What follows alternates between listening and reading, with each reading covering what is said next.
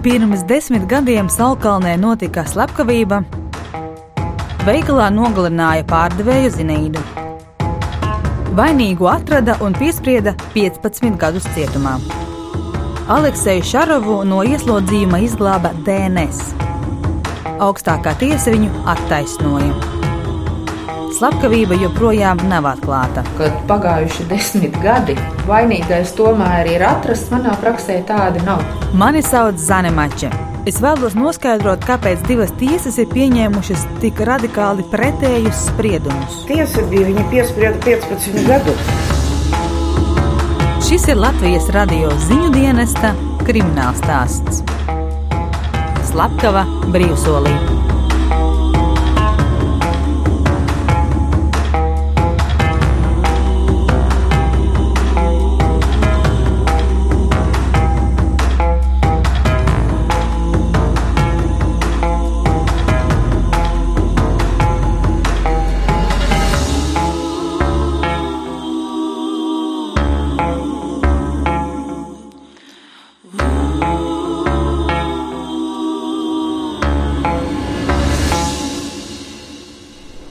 Kaut kāds nazis viņam bijis.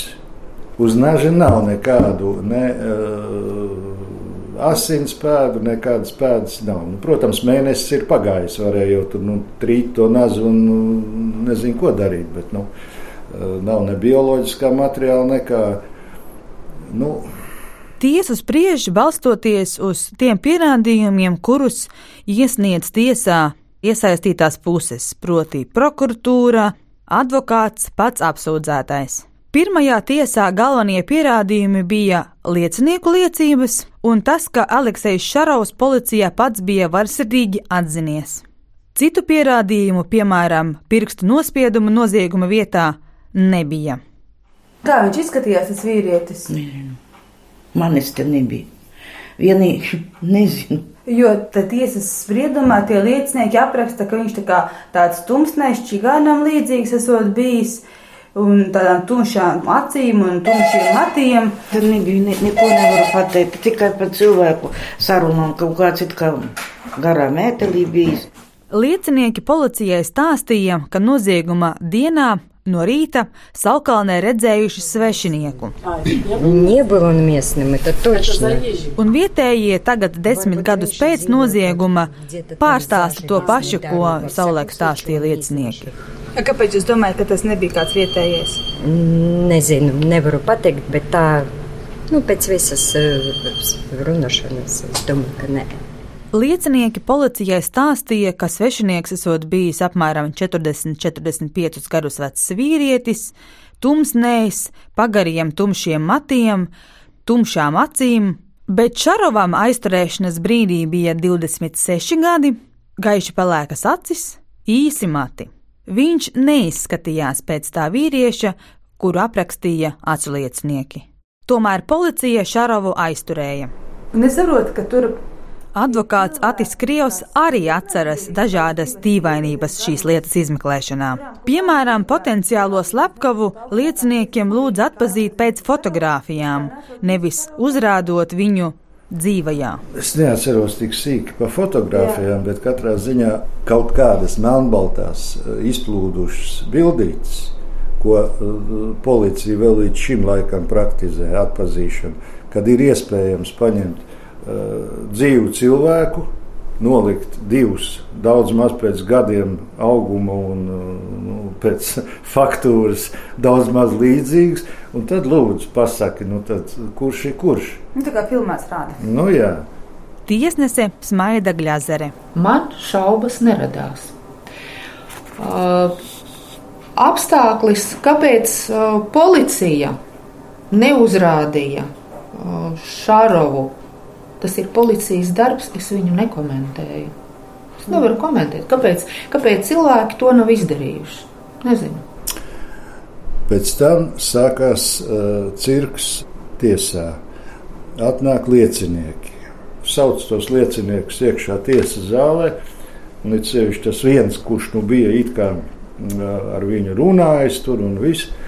Un to čigānu portretu zīmējis. Atnāca nu, var teikt, spēcīgi apdzērušies. Bija tā, ka tas viens turējās burtiski pie trījus, lai varētu taisni nostāvēt.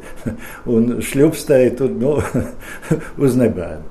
Kā tiesa rēģēja? Nav tā, ka tādā gadījumā tā ir necīņa par tiesu. Un... Nu. Ļāva liecināt. Ļāva liecināt, labdien!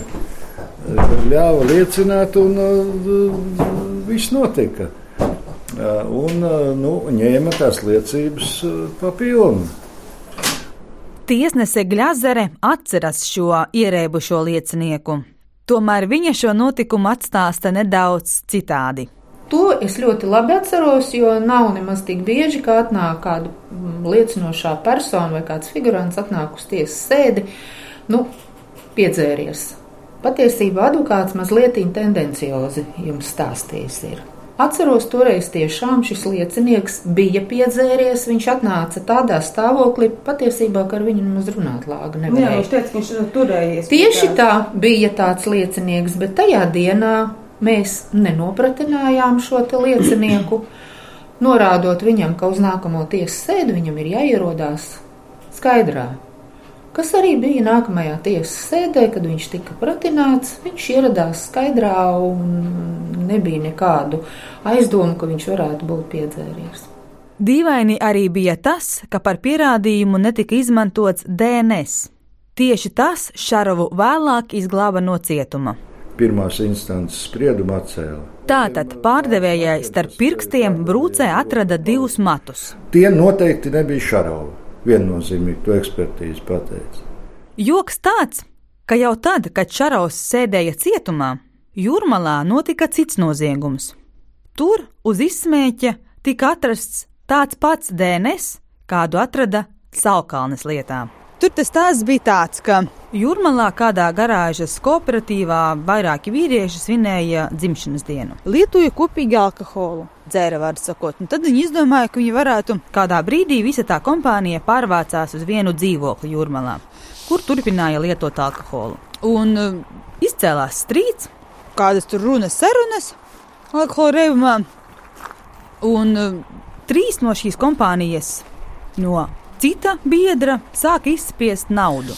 Un viņi tur, tur, viņu tur piekāva un, tā, un, un atņēma viņam mašīnas atslēgas un un uh, mēģināja nu izspiest naudu. Dažādi fiziski ietekmēja. Viņi prasīja viņam 2000 latu vēl tajā laikā. Viņi draudēja viņam, sakot, ka aizvedīs uz mežu, ja viņš šo naudu neiedos. Un tad kādā brīdī divi no šiem draudētājiem paņēma viņa mašīnas atslēgas, pieprasīja bankas karti, pinkodu un ar visām šīm mantām devās prom, lai izņemtu tātad naudu. Un ieslēdza viņu un vēl vienu no tiem uzbrucējiem. Un dzīvoklī palika trīs cilvēki. Tātad vēl viens no tiem draudētājiem, cilvēks, kuram draudēja, un vēl viens liecinieks. Tagad tas, tas vīrietis, nu, viņš bija tā kā, nu, baidījās par savu dzīvību un veselību. Un šis te policējs turpināja fiziski ietekmēt šo vīrieti, no kura mēģināja izspiest naudu. Viņš tur viņu aizslēga, draudēja un ko tur. Un viņš tikai tādā nu, šokā un izmisumā stāvoklī paķēra uz galda virtuvē stāvējamas šķēres, un viņš tos paķēra šķēres un dūra viņam kaklā. Tur bija ļoti daudz vairākas durtas brūces, un šis cilvēks notikuma vietā mira. Nu, šī nodūra. Nu, tad atbrauca policijā, viņi tur pa līķi atrada un visu pārējo. Un... Šo te vīrieti, kurš nodūra, to, kurš no viņa mēģināja izspiest naudu, viņu tiesāja un arī notiesāja. Tas bija vairāk nekā vajadzīgs, lai aizstāvētos, un tāpēc viņu tiesāja par tādu slepkavību, pārkāpjot pašaizsardzības robežas. Un, un tur pārbaudīja DNS, un tur bija tas pats DNS, kas bija uz tās sievietes, un ko atrada tās sievietes brūcē. To DNS atrada uz cigaretes izsmēķa nevis dzīvoklī, bet tajā, tajā garāžā. Tajā garāžā, kad viņi visu tur dzēra. Es zvanīju advokātam, kurš aizstāvēja vīrieti, kuru notiesāja jūrmalas lietā. Un eh, viņš teica, ka viņam ir pirmā dzirdēšana, ka šis DNS Salkalnē un Jūrmalā ir identisks. Jūrmalas nozīmumā nav šaubu par vainīgo, un tam DNS tur nebija nekādas nozīmes.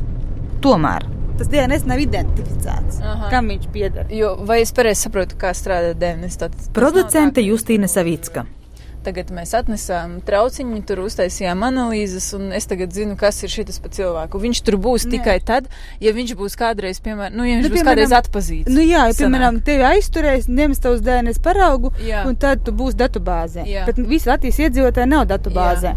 Bet tik interesanti un tik šausmīgi tas, ka viņi to neņēma vērā. Nu, tad, kad eh, Sākumā, jā. sākumā pašām tur taču, nu, jo par viņu nebija nekādu pierādījumu.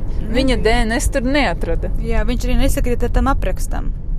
Bet viņi ielika viņu cietumā. Jā. Toties tur ir brūcē cita kaut kāda cilvēka Jā. DNS. jā, viņi to bija izslēguši no pierādījumiem. Jautāju tiesnesēji. Tad sanāk, ka visam tas DNS netika lūgts pārbaudīt. Tieši tā. Uh, Vienkāršā vienkārši. valodā jūs par to DNS neko nezinājāt.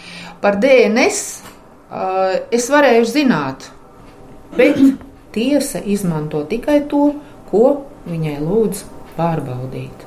Savādi kā DNS, pirmajā instances tiesā nelūdza pārbaudīt nedz advokāts, nedz prokuratūra. Kāpēc to nedarīja prokuratūra, uzzināt neizdevās, jo viņi lietu komentēt atteicās, bet policija uzskata, ka šim DNS nav nekādas nozīmes, jo veikals esot atklāta telpa, un pārdevēja strādā ar precēm, ar naudu, veikalā ir daudz cilvēku, un mati viņas brūcē varēja nokļūt citā veidā. DNS uz tiesnešu galda parādījās tikai augstākajā tiesā, kad Smaidas Gļazeres spriedums tika pārsūdzēts. Ja jūs sakat, jums nelūdza pārbaudīt konkrētas lietas, tad ar to DNS vēl tur nu, kaut ko iespējams Nopratināt papildus Jā, lieciniekus. tad eh, nu, tas ir tā kā uz prokuratūras sirdsapziņas visdrīzāk. Neņemos spriest, uz kuras sirdsapziņas ir uh, lietas izmeklēšanas kvalitāte. Par to pateica senāts. Tad tā tas arī ir.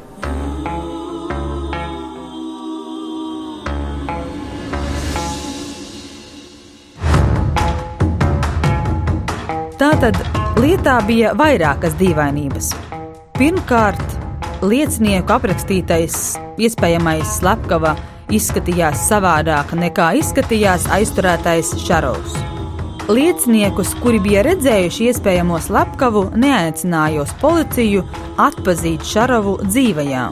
Kā arī šis DNS pirmajā instancē vispār tiesnesē netika celts galdā kā pierādījums.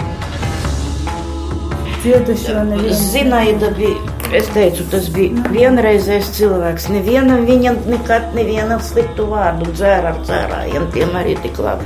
Tāpēc es saku, visu savukārt tevi uz kājām. Kas bija nogalinātā Zinaida, kā šis notikums ietekmēja Salkānes dzīvi un attaisnotā Šarova dzīvi, to brauksim skaidrot nākamajā sērijā. Tas sanāk tā, ka pagaidām mēs neko nezinām ne, ne par to sievieti tā īsti, ne mēs zinām kaut ko par to Alekseju. Jā. Sanāk, ka tas šausmīgais notikums saveda kopā divus Divas cilvēkus. cilvēkus kuriem nekāda sakara nav. Jā. Ne viņš bija bijis pie viņas kaut kad veikalā. Ne viņa ar viņu kaut kad bija runājusi. Nu jā, viņai vispār nekāda sakara nebija. Un viņš tagad ir attaisnots. Bet viņi tā notikuma dēļ tagad ir saistīti. Bet mēs nezinām ne par vienu tādu Jā, mēs nezinām par to Šarovu, kas viņš, nu, kas viņš ir, nezinu, kur viņš ir. Tur. Un arī par viņu mēs nezinām, kāpēc viņa tajā veikalā strādāja. Ļoti labi. Nu, tā kaut kā. Nu, labi. Latvijas radio? Jā. Jā,